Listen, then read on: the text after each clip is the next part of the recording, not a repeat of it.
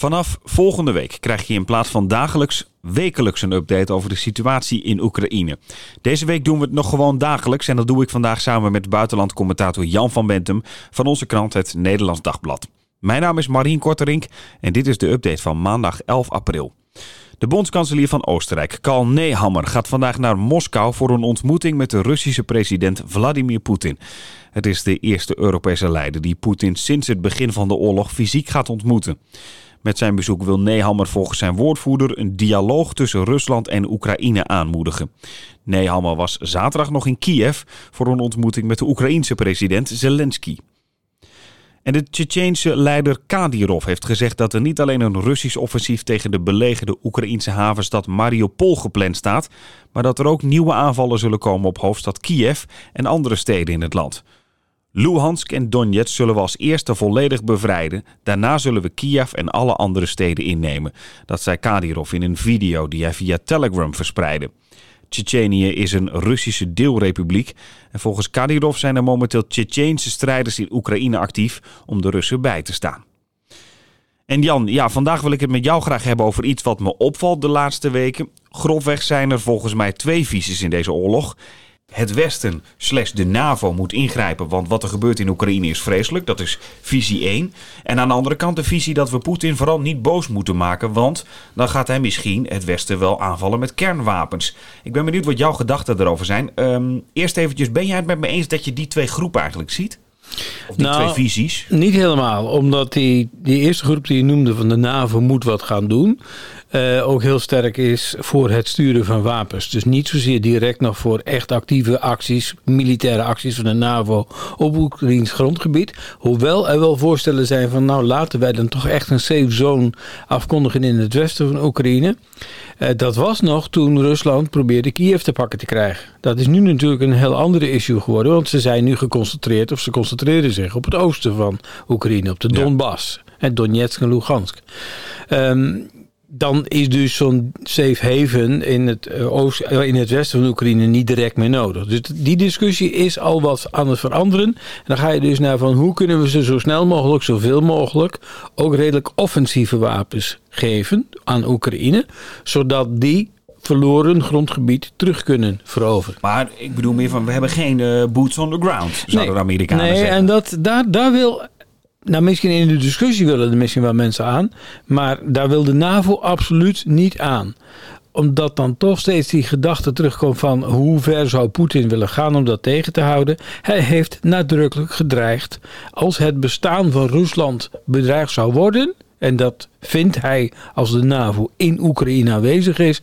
Dan dreigt hij dus de kernwapens te gebruiken. En dus zie je die twee visies. Die ene zegt eigenlijk, ja, ik ben bang voor Poetin dat hij dat gaat doen. Dus laten we vooral inderdaad daar ons niet mee bemoeien. Ja. En de andere groep, die je ook wel iets meer hoort, zijn misschien ja, niet mensen die bij de NAVO zitten, maar mensen die zeggen, dit kunnen we toch niet gewoon laten gebeuren. Want ja, als we altijd maar luisteren naar Poetin, eh, dan, dan, dan, laat, dan is het allemaal maar prima. Dat ja, de ellende is dat we beter hadden moeten luisteren naar Poetin dan dat al jaren geleden. Want A, hij heeft dit zo'n beetje aangekondigd in 2008 tijdens een NAVO-top in Boekarest, april 2008. Wat zei hij daar dan?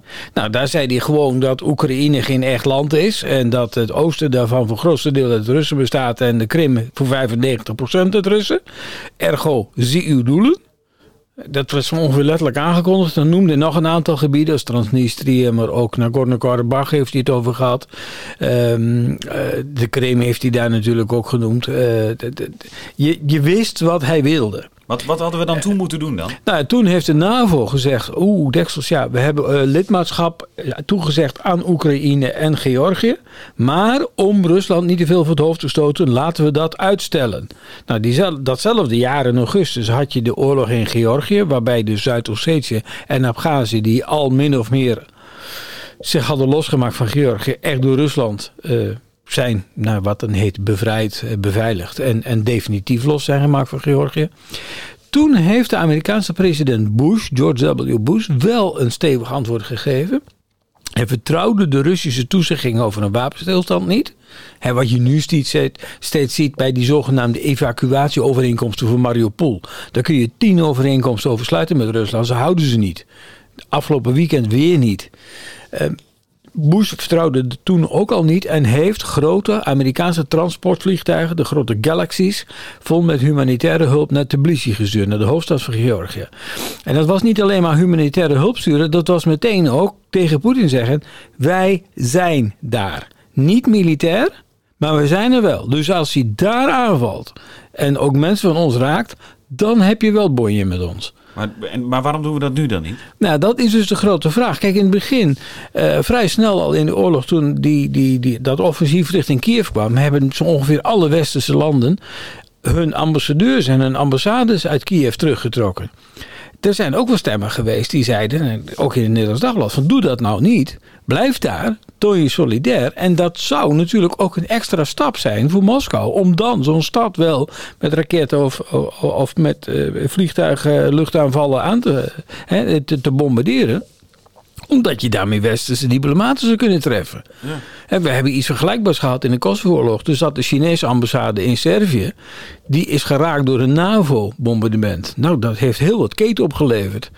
Um, andersom geldt hetzelfde. Als je daar bent, is dat wel een bepaalde terughoudendheid. Had dat wellicht bij, bij Poetin opgewekt.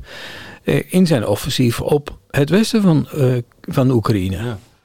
De andere groep zegt eigenlijk van hè, wij zijn de realisten. We willen vooral niet dat, uh, dat we met z'n allen in een wereldoorlog be nee, belanden. Daar valt wat voor te zeggen. Aan de andere kan je ook zeggen, dus, dus laten we Poetin zijn gang gaan. Ja, nee, dat, nou ja, daar, daar heb je dus echt het verschrikkelijke dilemma. Deze man, komma, die Vladimir Vladimirovich Poetin, valt niet te vertrouwen. Je weet niet hoe ver hij wil gaan. Je ziet, als ik heb het vanmorgen nog weer gedaan, heb ik echt de jaren uh, teruggezocht van hoe hij bijvoorbeeld met zijn minister van Defensie, Sergei Shoigu, omgaat die zitten zo dicht op elkaars huid. Het is niet alleen maar Vladimir Poetin.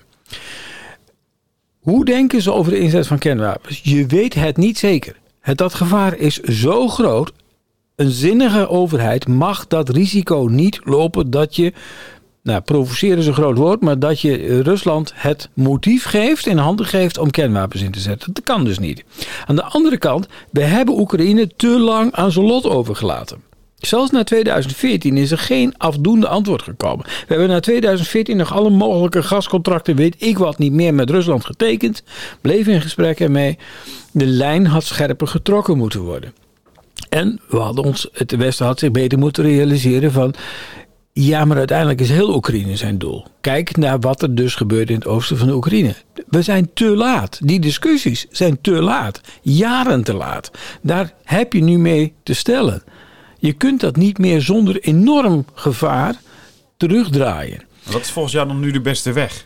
Nou, toch A, zo snel mogelijk met ambassades terug. Er zijn, dat heel duidelijk zeggen, zo'n zo'n zo'n zo'n uh, poging zoals van de Oostenrijkse bondskanselier om nu weer in gesprek te komen met Poetin zal geen resultaten bieden. Maar je hebt wel in ieder geval laten zien dat je wilt praten en dat je wilt blijven aanspreken op wat hij doet. Dat moet je doen. En blijven aanspreken. Wat doe je nou? Waarom doe je dit? Hoe haal je dit in je hoofd? Kijk eens wat je aanricht.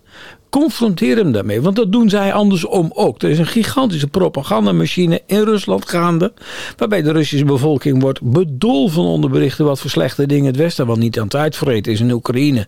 Bij zijn biologische wapens en, en lichamen die uit mortuaria worden gesleept en in bossen neergelegd om dan te zeggen dat ze door de Russen zouden zijn doodgeschoten. Dat soort verhalen wordt door Rusland mee overspoeld.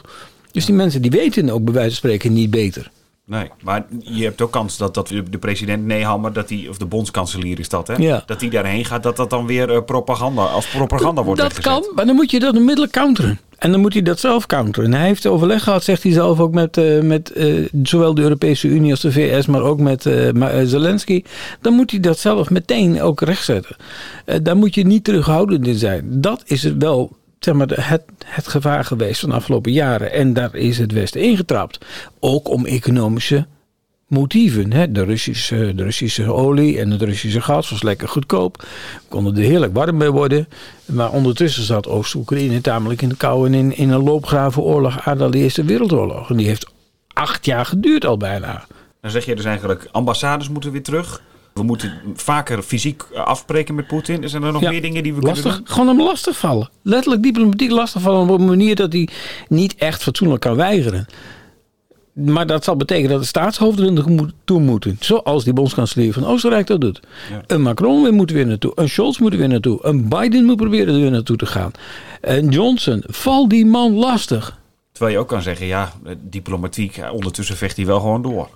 Dat is, dat is ellende. En dan kom je dus op het tweede spoor. Je zult Oekraïne zo goed als kan moeten ondersteunen. Maar zo goed als kan, daar zitten we ook al. We hebben natuurlijk jaren bezuinigd op defensie.